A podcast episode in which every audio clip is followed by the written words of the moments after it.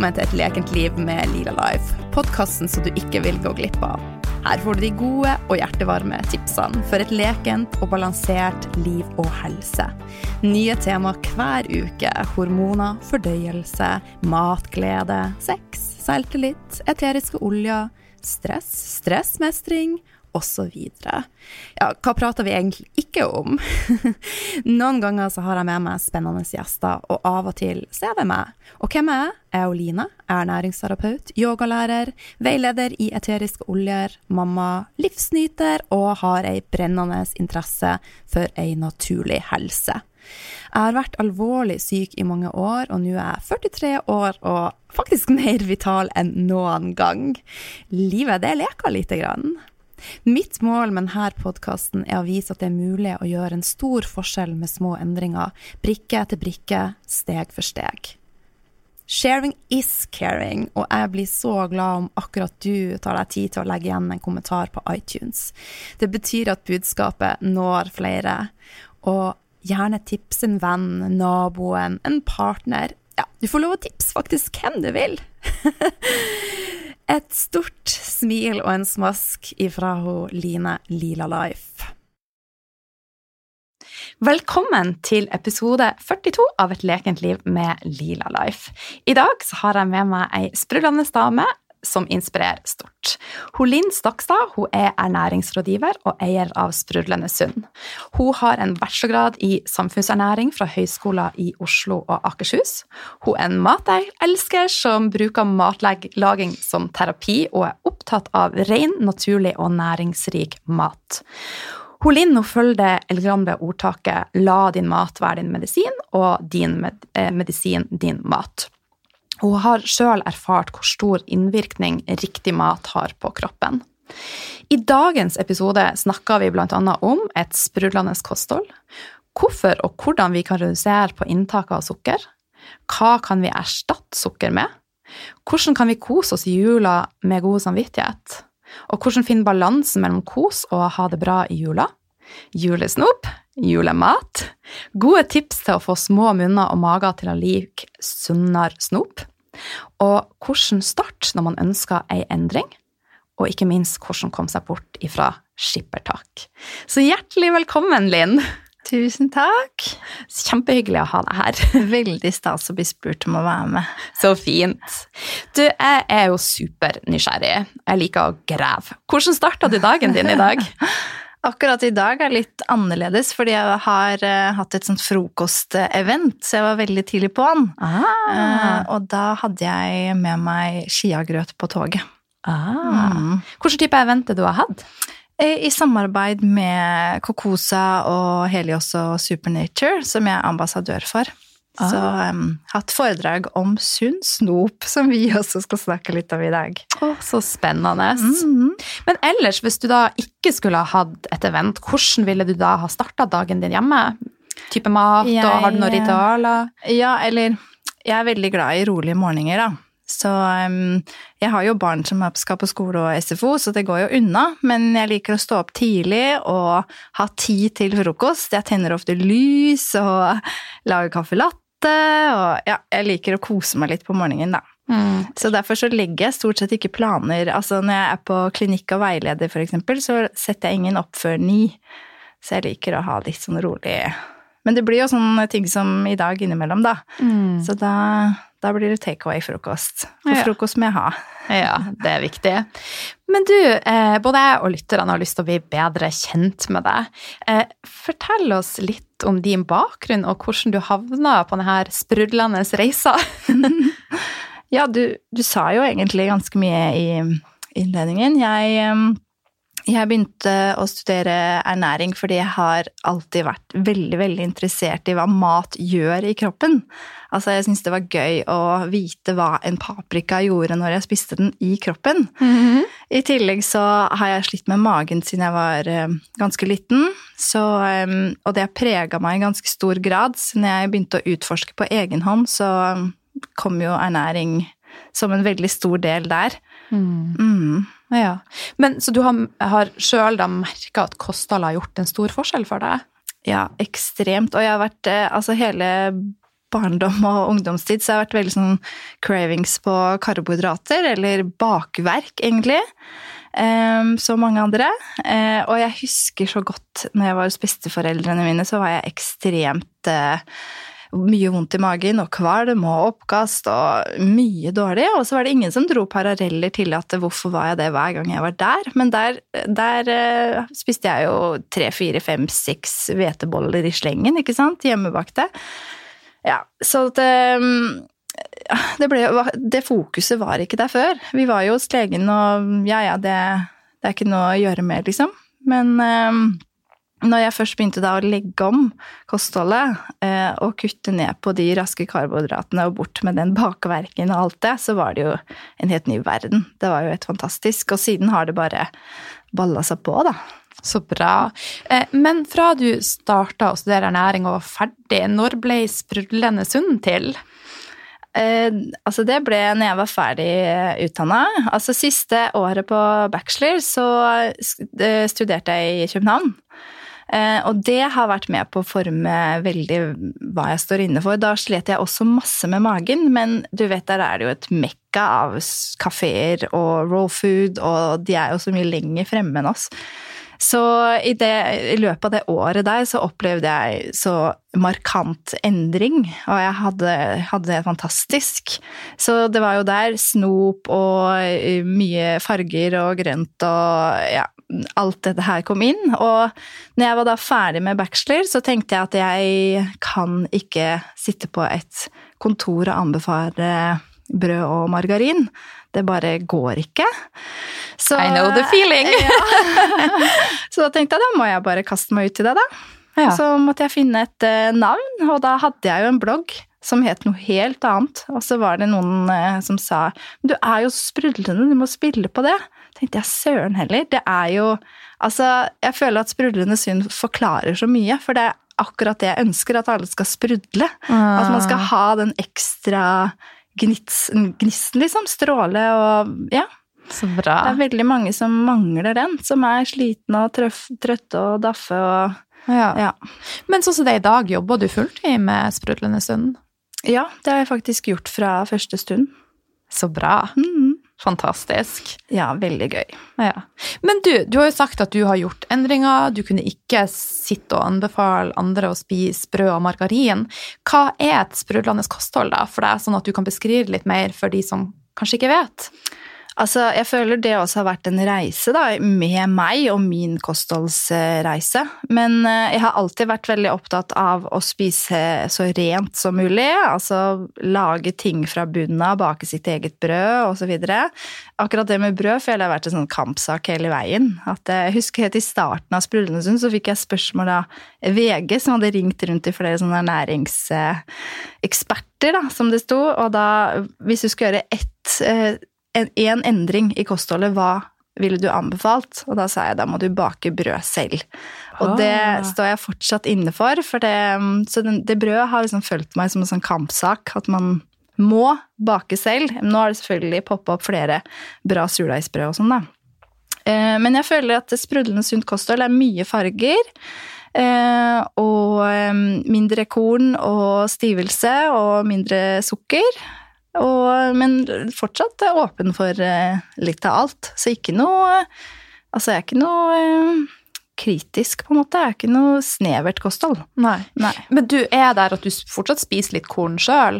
Ja da, ja. absolutt. Hvilken type kornsorter, og hva anbefaler du at vi gjør med kornet for å få tatt det best mulig opp? Eh, jeg vil jo at man skal behandle kornet på rett vis, og da må man eh, bløtlegge, og man bør helst bruke, være i et surt miljø, altså så surdeig er jeg jo kjempefan av.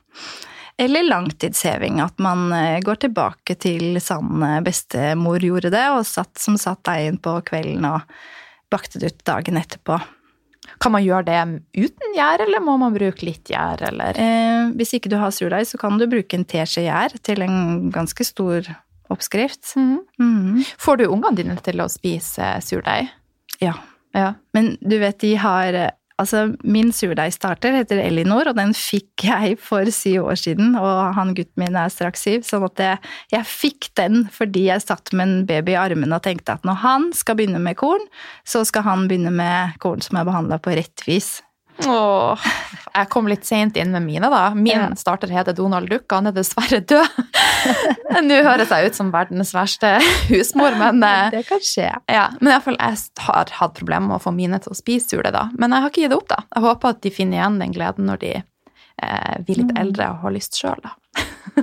Men eh, tipset der er å um, Altså, en surdeigstarter elsker å bli brukt, så bare bruk surdeigstarteren din masse, masse, masse, for da blir den ikke sur at all. Så jeg baker kanelboller og you name it, og de er ikke i nærheten av å smake surt. Å, spennende. Er det sånn at man kan få avlegger av Elinor? Ja, det kan du få. Det kan det hende det kommer en melding fra meg.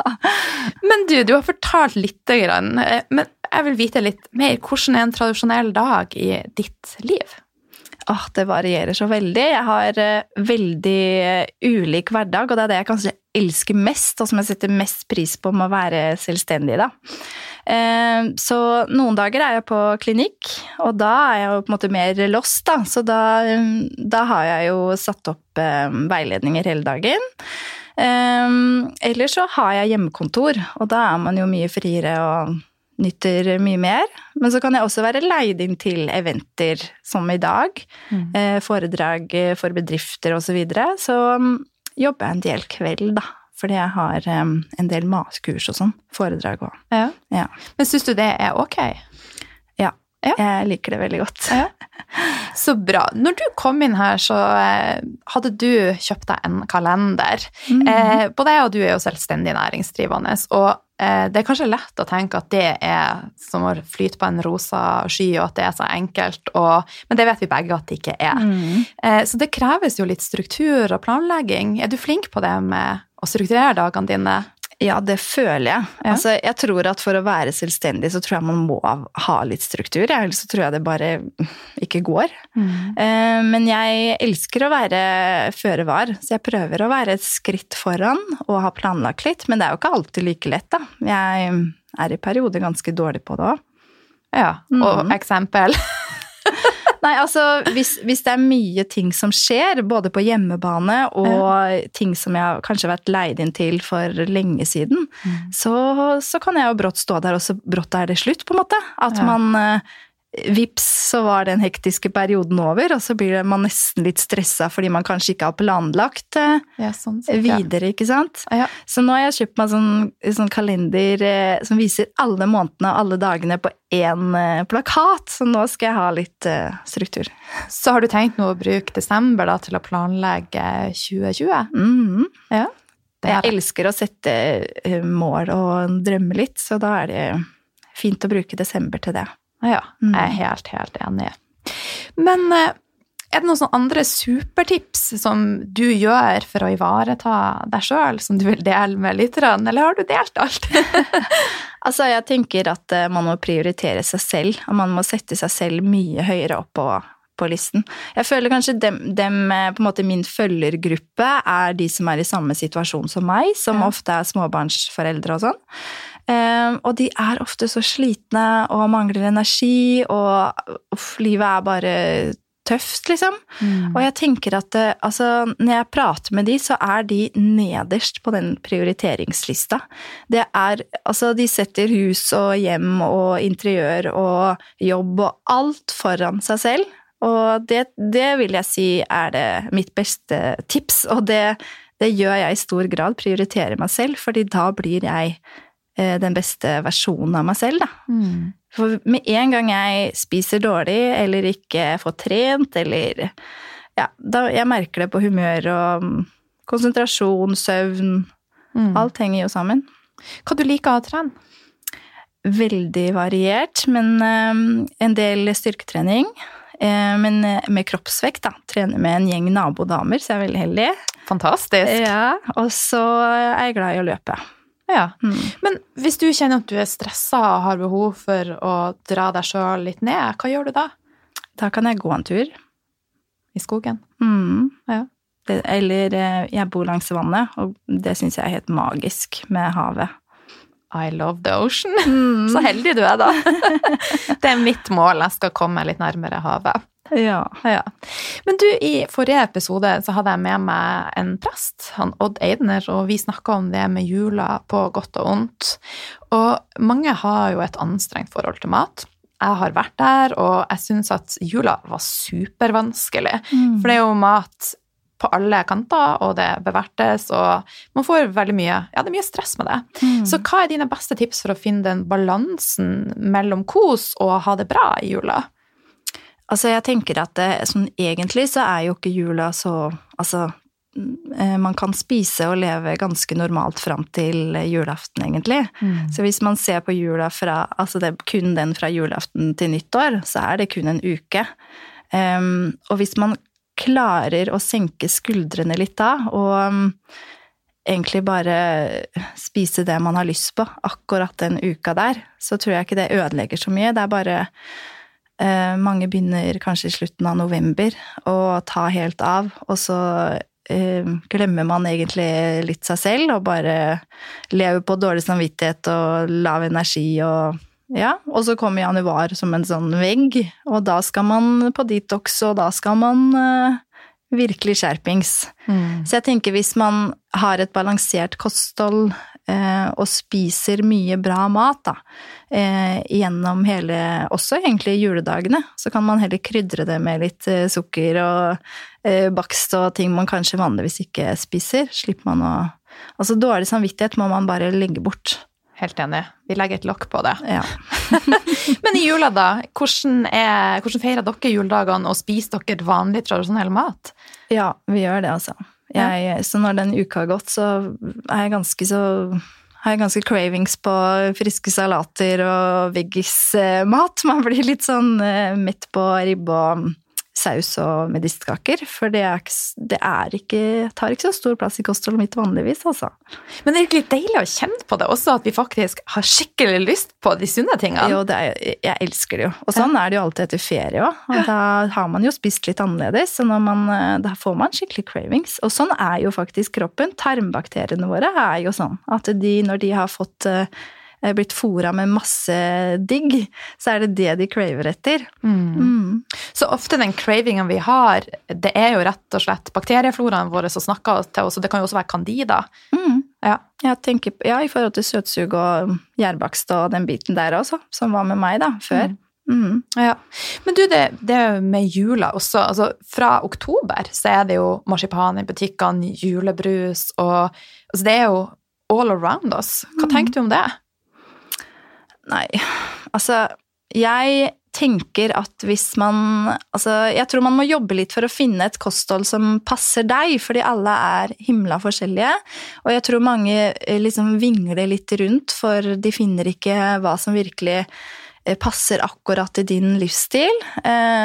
Og kanskje mange trenger litt hjelp med det, til å egentlig bare lande litt. Ja. Og kanskje ikke ha så strenge krav, bare litt av alt, men få i deg mye farger, eh, kanskje kutte ut å drikke den melka, kanskje bare spise korn en gang om dagen, alle disse her eh, tinga, da.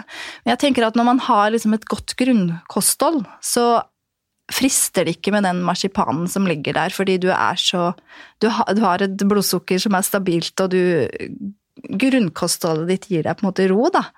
Det opplever jeg så mange med de jeg har på kurs og veileder, at de rapporterer om at de føler at det, alt det som på en måte har vært en fristelse før, frister ikke lenger. De har mye mer ro, da. Men eh, Linn, hvordan kan vi eh, kutte ned på sukker, og hva kan det være fint å erstatte sukker med? Altså, jeg er en skikkelig søtmoms, så jeg lager mye søtt, jeg, men jeg bruker eh, naturlige søtningsalternativer, da. Så jeg er veldig glad i eh, å bruke tørka frukt og lage sånn, eh, sånn daddelkuler og browniekuler og sånne ting. Eh, og så er jeg veldig glad i kokossukker, det er min favorittsøtning. Eh, og den syns jeg pass, den er perfekt når man skal på en måte venne seg av sukkeret, for at den blir jo tatt opp i kroppen, og kroppen tenker at også det er sukker, sånn at det, bare at det er mye snillere med blodsukkeret. Så det er en veldig fin overgang, egentlig. Kan- gå over til kokossukker. Det er kjempegodt. Mm, det er veldig godt. Veldig godt. Mm. Men det er jo, sånn som jeg var jo skikkelig, en skikkelig karbo-junkie, eh, og det var faktisk han Fedon som jeg vil si redda livet mitt. Ja. eh, og, for det er jo noe også med å, å kutte ned på de raske karbohydratene. ja. Ja. Hva vil du si om det? Hva er dine beste tips der? Ehm, det er jo det viktigste, som mm. du sier. Og eh, mange spiser jo ekstremt mye pasta. Jeg blir sånn blåst av banen hver gang jeg har sånne veiledningsdager. Bare, men hvorfor spiser du så mye pasta? Og man putter pasta i alt. I, eh, og man har, hvis man er flink og har salat, så er det pasta, skinke og agurk, på en måte. Altså det er, ja, sånn at vi, spiser, vi omgir oss med ekstremt mye raske karbohydrater, og vi velger det rundstykket og den brødskiva fordi det går fort. Så der er jo, det er jo der vi bør um, gjøre endringer. Jeg pleier å si at hvis du skal spise brød, så skal det være hjemmebakt. Um, og at uh, frøknekkebrød og knekkebrød generelt er i en gate for seg, for der er det ikke noe tilsatt noe som skal gjøre brød luftig eller eh, Ja. Um, og så pleier jeg å utfordre alle til å begrense til ett kornmåltid om dagen. Lurt. Og da blir man jo litt pressa ut i det, fordi pasta er også korn. Så hvis man har veldig lyst på pasta til middag en dag, så må du faktisk eh, ta en omelett til frokost og en salat til lunsj, liksom. For da tar du kornmåltidet ditt til middag. Mm. Men det synes jeg er fantastisk nå. Norge ligger litt etter, men det går fremover. Mm. Så nå er det jo kommet pasta av eh, bønner og Ja, det you er name it. så Det elsker jeg. Ja. Fordi jeg, etter jeg fikk barn, så har jeg forstått greia med pasta. For det er jo De elsker det, og det går fort. Ja. Ja. Så linsepasta og bønnepasta og ertepasta, det er favoritter hjemme hos oss. Ja. Ja. Men det med hjemmebakt brød, jeg, jeg følger tankegangen og er totalt enig. Men så har vi de som kanskje ikke er der at de er friske nok til å bake brød og har nok med å rett og slett kle på seg. Eh, hvis man skal kjøpe et brød, da, har du noen anbefalinger å komme med? Eh, Nå har det jo kommet flere produsenter som er bra, med surdeig. Men gå for det som på en måte er tyngst og, og mest eh, tettpakka, altså sånne rene rugbrød og, og sånne Ja. ting.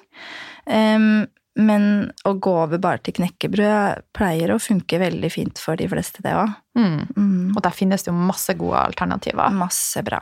Ja. Mm.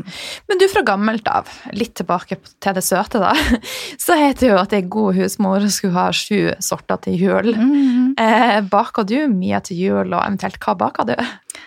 Eh, Jeg gjør egentlig ikke det. Nei. Så bra! Man får kanskje inntrykk av det litt i sosiale medier, fordi alltid før jul så har jeg en del bakekurs og sånn. Ja. Fakta er at jeg blir litt metta på det, da. Ja. Eh, men jeg er som sagt en søtmoms, så jeg uh, syns jo det er veldig deilig på de juledagene når man faktisk har tid til å sitte ned og drikke den kaffen sakte og lese en bok eller blad eller sånne ting man ikke har tid til ellers, at det er kjempedeilig å ha et eller annet godt.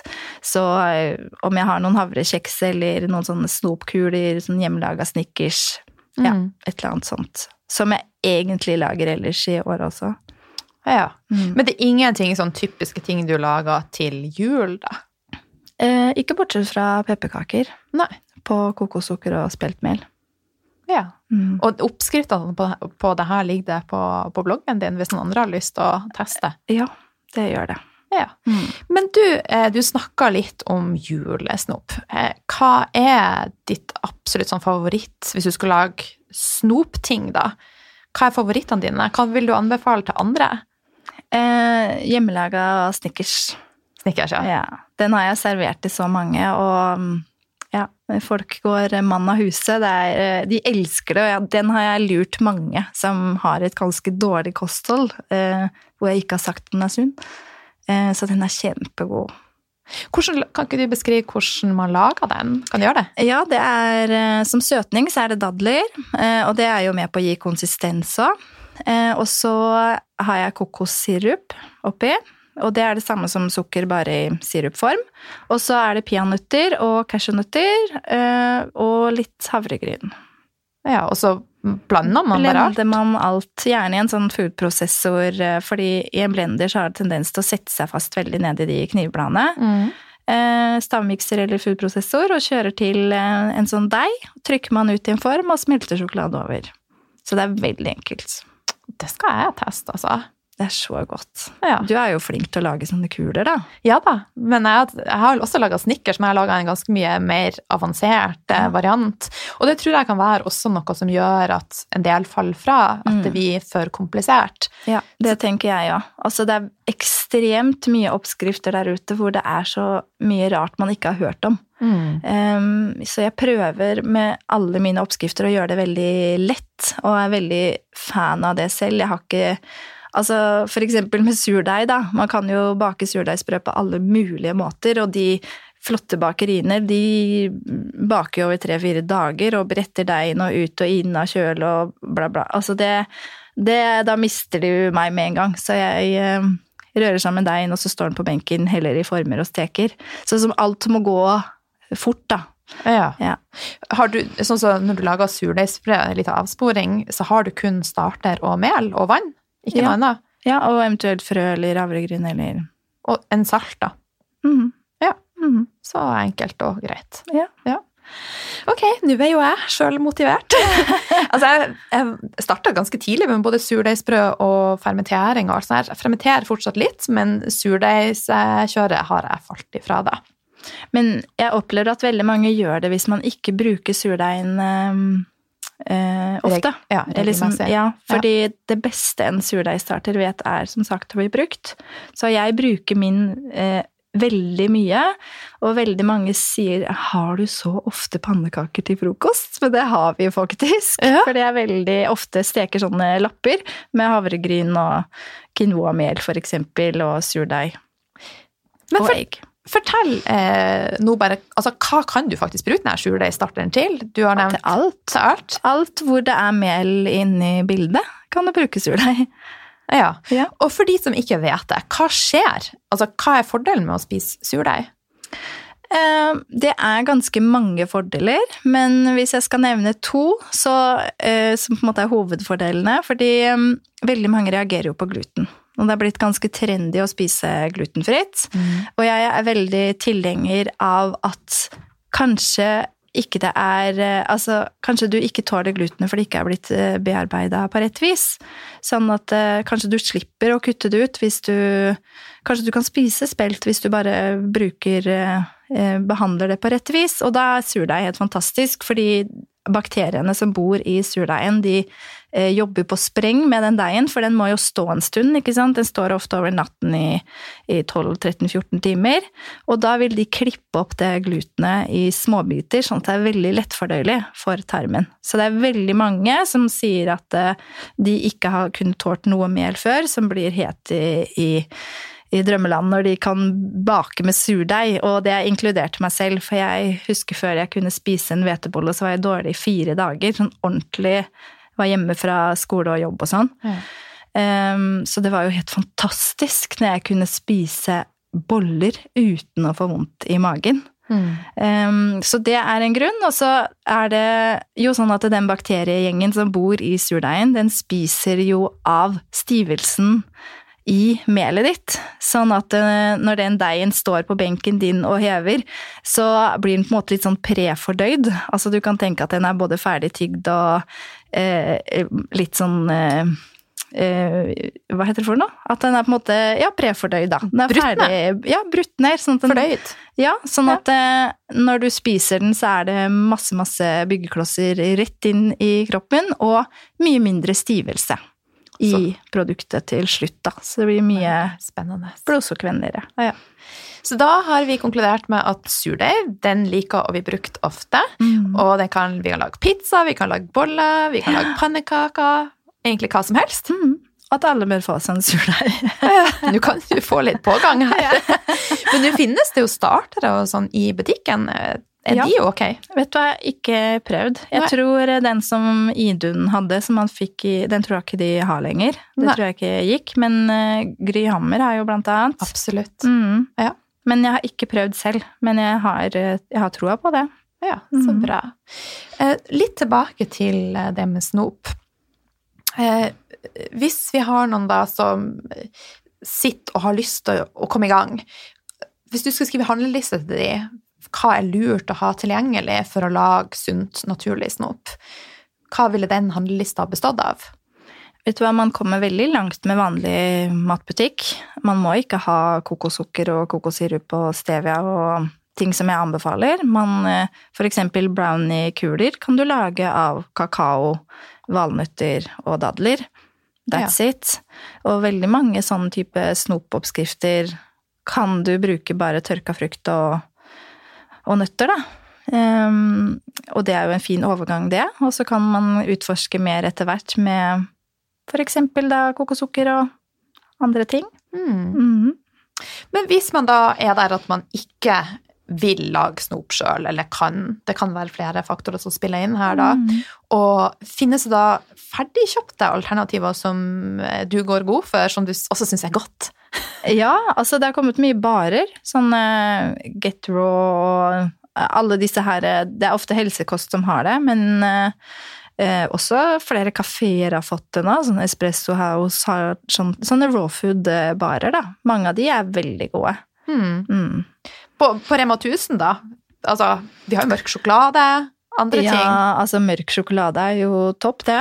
Ja. Så lenge man gjerne en som er eh, økologisk, mm. eh, og fra 70 og oppover. Og også nøtter og, og sånne ting funker jo fint som snop, det også.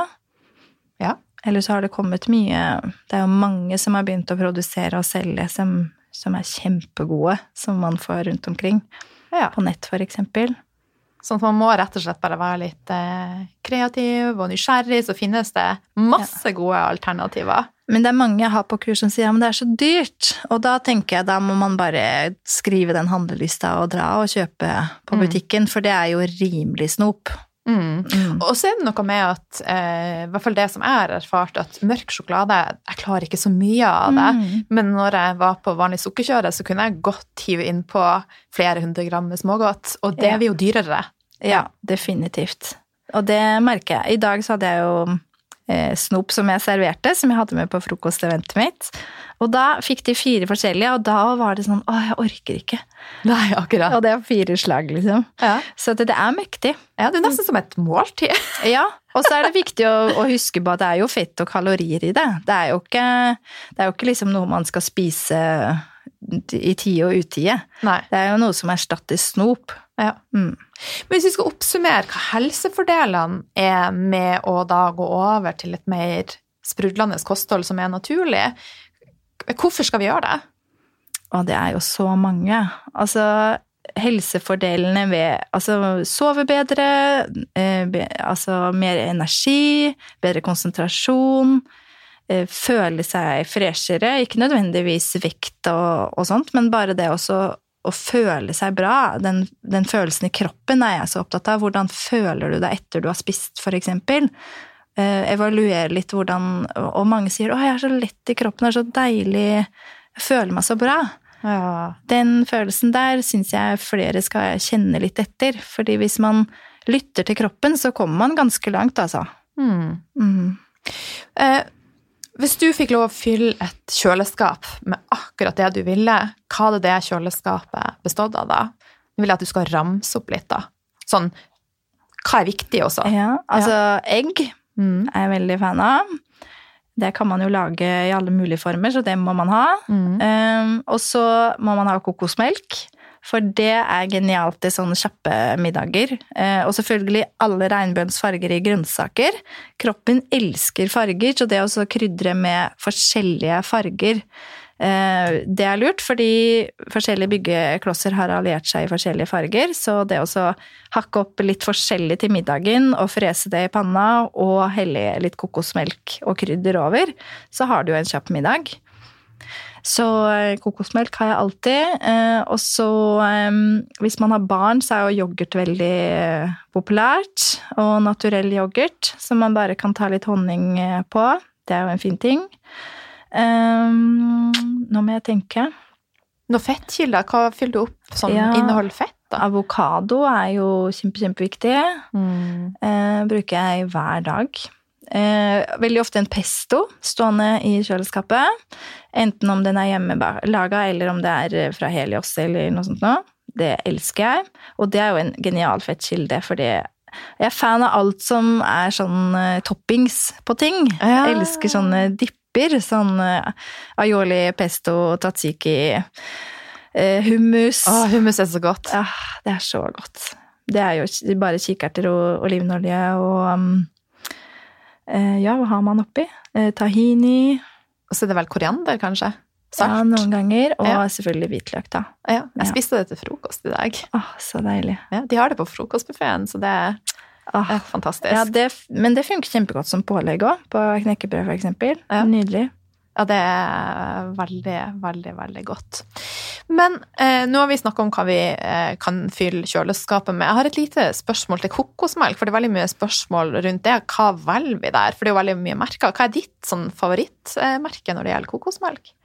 Rema 1000 elsker jeg. Ja, jeg er helt enig, og det har vært eh, stopp i Bodø. Det har vært tomt, så det har vært Ja. krise.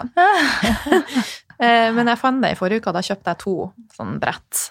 Den er Ja. veldig, veldig fin. Den er veldig bra og rimelig. Og så er det jo veldig mange veileder som sier men jeg liker ikke kokossmaken. Og mange av de som har sånn kokosaroma og sånn kunstige ting i seg, de smaker ekstremt mye kokos. De er ikke noe gode på smak. Men Mens Rema 1000 sin er helt plain og funker til alt. Ja. Mm. Og den er jo ikke noe tilsettingsstoffer tilsetningsstoffer i, og ja. Nei, Mm. den er ren og fin. ja. Og det som er Det er kanskje ikke så mange som vet det, og det her er ikke, jeg er ikke sponsa av Rema 1000, men de driver og legger om og kommer til å få mer og mer økologisk. Det er et fokus som de har, og de har annet fått produkter fra Kolonihagen. Mm. Så det er jo fantastisk. Så det, selv om vi ligger litt etter, så går det fremover. Det gjør det, altså. Det har skjedd masse siden jeg, når jeg begynte i Sprudlende i 2012. Altså ekstremt mye har skjedd på eh, matfronten. Ja.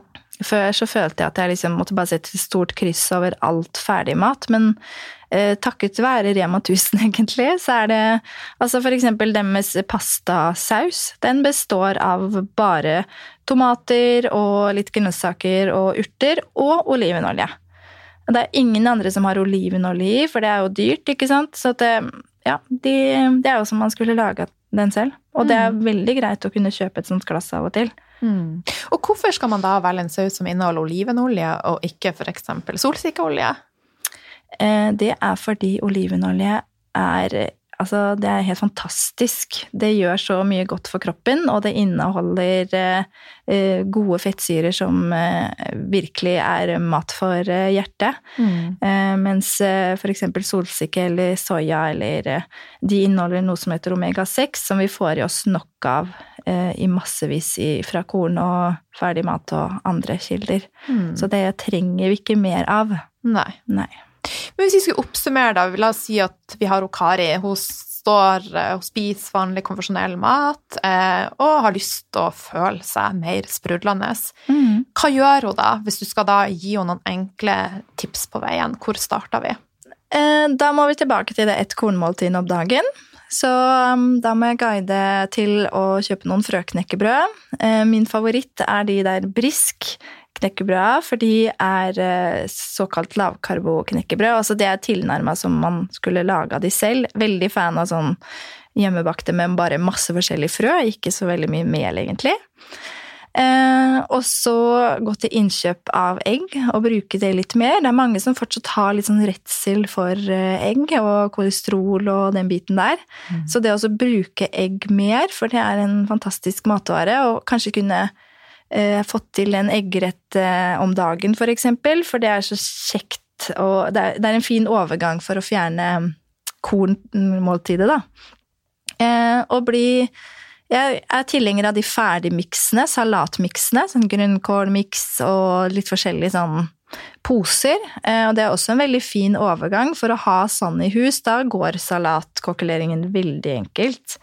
Og hvis man i tillegg da har avokado oppi, og kanskje noen rester fra kyllingmiddagen, din, og litt pesto for eksempel, så har man, er man jo good to go.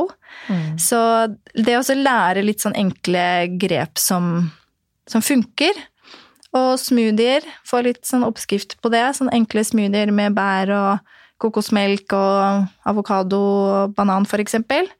Ja, det er sånn som alle liker, og varer lenge i kroppen, holder blodsukkeret stabilt og Mm. Ja, herlig.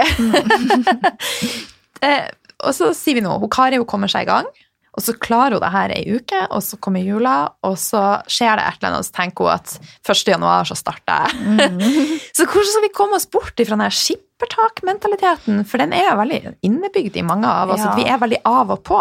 Ja, veldig mange er det, og det er ganske vanskelig. Altså. Og mange er jo på den der mandagen eh, skeier ut på tirsdag, og så er løpet kjørt fram til neste mandag, liksom. Um, men tilbake til det gode grunnkostholdet, for jeg tror at hvis man uh, liksom finner det kostholdet som man trives med, og lytter til kroppen, så vil man ganske fort kjenne at de, den utskeielsen er ikke bra for meg, jeg vil tilbake til den godfølelsen. Um, så det jobber jeg veldig mye med med de jeg hjelper, og det, det er den tilbakemeldingen jeg får, at de føler at det, at eh, det holdt med to dager, og så savna jeg smoothien min og salaten min og Så rett og slett være litt flinkere og lytte hvordan vi virkelig har det. Absolutt. Ja. Der sa du det. Og, og det kan jeg merke veldig Jeg er ganske god på å lytte, kanskje litt for god til å lytte. Men si at jeg skeier ut med melkesjokolade eller et eller annet sånt. Da. Og da føler jeg bare at hele meg bare ikke har det bra. Og jeg blir eh, Jeg får kort lunte, og jeg blir amper og irritert overfor både mann og barn, og jeg tenker bare Ah, den personen vil jeg ikke være. Og jeg føler meg som en sånn drittkjerring. Og da frister det jo heller ikke, da. Da Nei. tenker man jo liksom nei, uff, jeg orker ikke den derre Ofte sover jeg dårlig Mm. natta etterpå. Ofte så er jeg Fordi jeg er så søtmoms og kommer så fort inn i den søtningskarusellen, som jeg sier det, så, så er jeg fysen dagen etterpå. Så hvis jeg spiste det på den ene kvelden, så er jeg fysen hele dagen etterpå og må gå liksom og gå rundt og bare være litt sånn lav energi og fysen. Og da er det jo mange som gir etter igjen, da. Som kanskje nei, uff, nei, ta brødskive med syltetøy til frokost, for det jeg er litt sånn fysen i dag. Altså, så blir, er man bare i en sånn ond sirkel med en gang, og det er kanskje der mange er, men hvis man lytter litt etter, bare hvordan Altså, hvordan var jeg forrige uke? Altså, nå er jeg tilbake der, nå har jeg lite energi og trøtt, og er det verdt det, liksom? Og da kan det, for, for enkelte så er det litt vanskelig å, å klare å, å kartlegge, så kanskje man skal skrive ned noen stikkord hver dag, hvordan man Mm. faktisk føler seg. Og så er det jo litt sånn når man da går på en smell, som du beskriver med melkesjokolade, så fyrer vi jo på nesten et bål, og vi trigger de her dårlige bakteriene som vil bare ta overhånd, og vi Mm. trigger candidaen, og så faktisk remind seg sjøl på hvorfor det er sånn det føles jævlig nå. Mm. Og så man kan gå der i uke Sånn hadde jeg det forrige uke, og sånn vil jeg ha det igjen. Ja, Ja. ja. men eh, ja, det er en fin ting, det. Og bare faktisk bare tre-fire punkter på mobilen. Bare hvordan føler jeg meg egentlig i dag? Mm. Men du, eh, du har eh, Er det to gutter du har? Mm. Ja. Og så når jeg introduserte alle de her tingene som jeg altså Jeg tror vi spiser relativt likt, da, men jeg har ikke hatt noen sånn heiagjeng i familien, og de har sagt æsj og bæsj og Eh, Men hva gjør du for å få dine unger til å like snopet og maten du lager? Jeg tror forskjellen på meg og deg er at du sikkert begynte med det litt senere. Ja, de var litt oppi Eller de var vidt fem, seks, sju år når Mm. jeg satte i gang, da. Fordi mine har jo ikke fått noe annet. Nei. Sånn at de har jo ikke noe Han eldste klarte jeg eksempel å skåne veldig lenge for sukker. Um, og var veldig sånn bevisst på det at nei, men han skal vite hva godteri er før du tilbyr han det. Så han var faktisk nesten tre år før han fikk is, sånn ispinne. Men da var det gjort etter det. Og da tenkte jeg nå må jeg bare endre holdningen min litt, og tenke, for jeg skal ikke være den mammaen som er nazi i andregaten, hvor du liksom hindrer og nekter, for det tror jeg har motsatt effekt. Da tror jeg man kan spise både i skjul og gå på smeller. Altså barna gjør det, da.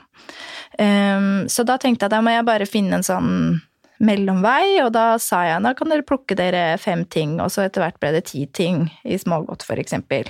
Men det endte jo med at de ofte ikke spiste opp, og um, eh, hos oss så lager vi veldig ofte snop i helgene.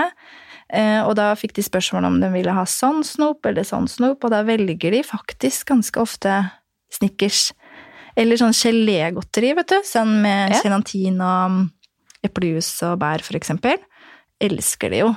Og da velger de ofte det, faktisk. Mm. Så eh, jeg har nok vært heldig fordi at det har vært eh, sånn har de hatt det.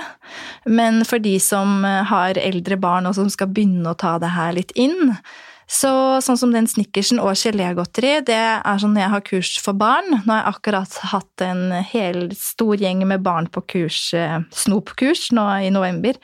Og det som går igjen, er jo den snickersen og den, eh, de gelégodteriene. For det er jo det som er mest likt i det man får på butikken.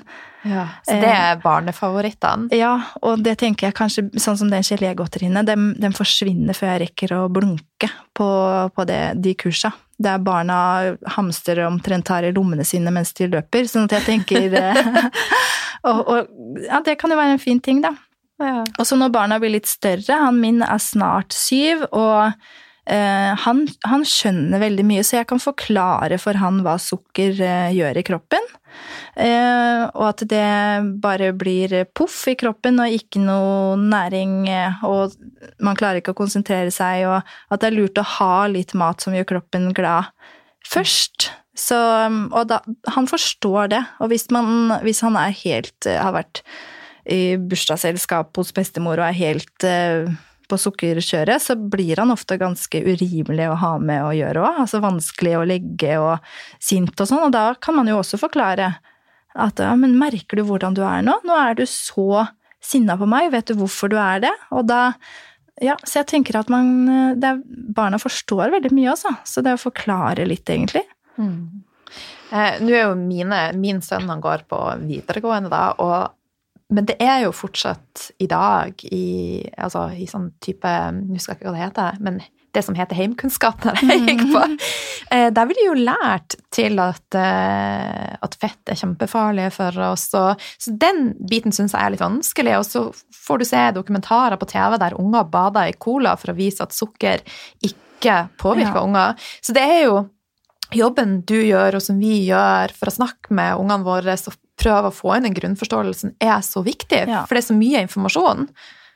Ja, jeg er helt enig. Det er fortsatt eh, old school på heimkunnskapen. Det er mm. fortsatt sukkerbrød og ja, eh, Toro-pose faktisk innimellom. Men jeg opplever også at det har skjedd en endring der. Altså, i hvert fall de siste åra så har jeg hatt flere kurs også for heimkunnskapslærere og sånn. Og, og de er vel Altså noen av dem selvfølgelig, for de har jo også personlig interesse som de dyrker, og det er noen som har kjempepassion, som lager masse til og med sunn liksom, på heimkunnskapen. Så jeg føler at det, vi er inne i et sånt skifte. At det begynner å Løsne litt. Ja, nå begynner det å skje ting, og det er jo flere Arne Astrup, han forskeren i Danmark som alltid har hatt, eh, vært kjempeskeptisk til fett, han har jo gått ut og sagt 'sorry, jeg tok feil'. Altså, jeg, jeg tror det skjer noe nå. Mm. Ja. Å, fantastisk! Ja. Men er det viktig å, involvere også ungene i matlaging? Ja, det er jeg så tilhenger av. Det tror jeg er kjempeviktig å ta de med egentlig fra første stund. La de få grise litt og ta og kjenne, og, og det har også jeg fått lov til, og det er sånne ting jeg husker fra jeg var liten at jeg og som jeg kjenner jeg er veldig takknemlig for, som tror jeg har gjort mye at jeg har blitt god på å eksperimentere med mat og oppskrifter, og fordi jeg fikk lov til å grise og teste og prøve. Så det anbefaler jeg alle. Å bare skru på tålmodigheten og la de få ta del i den. Ja. Du, helt på tampen nå, eh, jeg har jo gravd og spurt i alle krinkler og kroker. Er det noe som jeg har glemt å spørre deg om, som du vil tilføye, som vil være av verdi for lytterne? Um, nei, altså jeg føler mitt beste råd er å lytte til seg selv, og um, kanskje søke råd hvis du syns at du veler veldig i hva egentlig er bra for meg, og eh, prioritere deg selv høyere opp på listen og kjenn etter liksom hva Hvordan vil jeg ha det? Ja. For vi har jo, i hvert fall sånn som vi vet i dag, så tror jeg vi bare har ett liv. Så det er jo noe å leve Mm. det, Altså nyte dagene, men uten at det nødvendigvis skal være i form av at de skal kose oss med mest mulig sukker og potetgull, for vi fortjener bedre.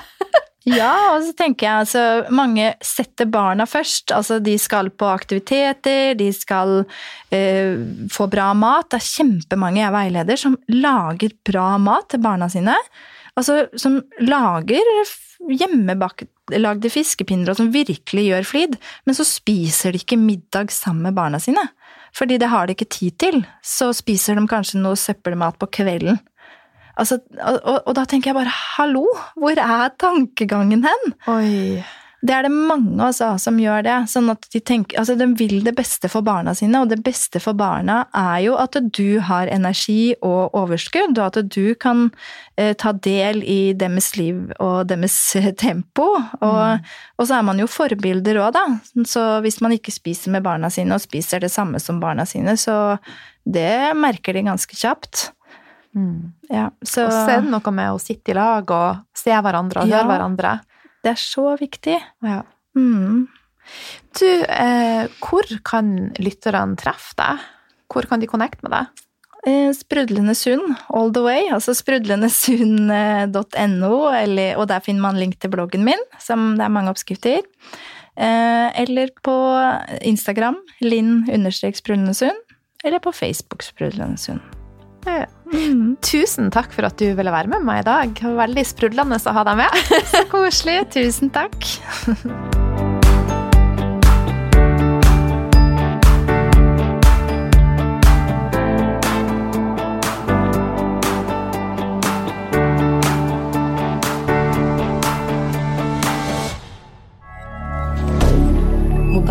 D'accord.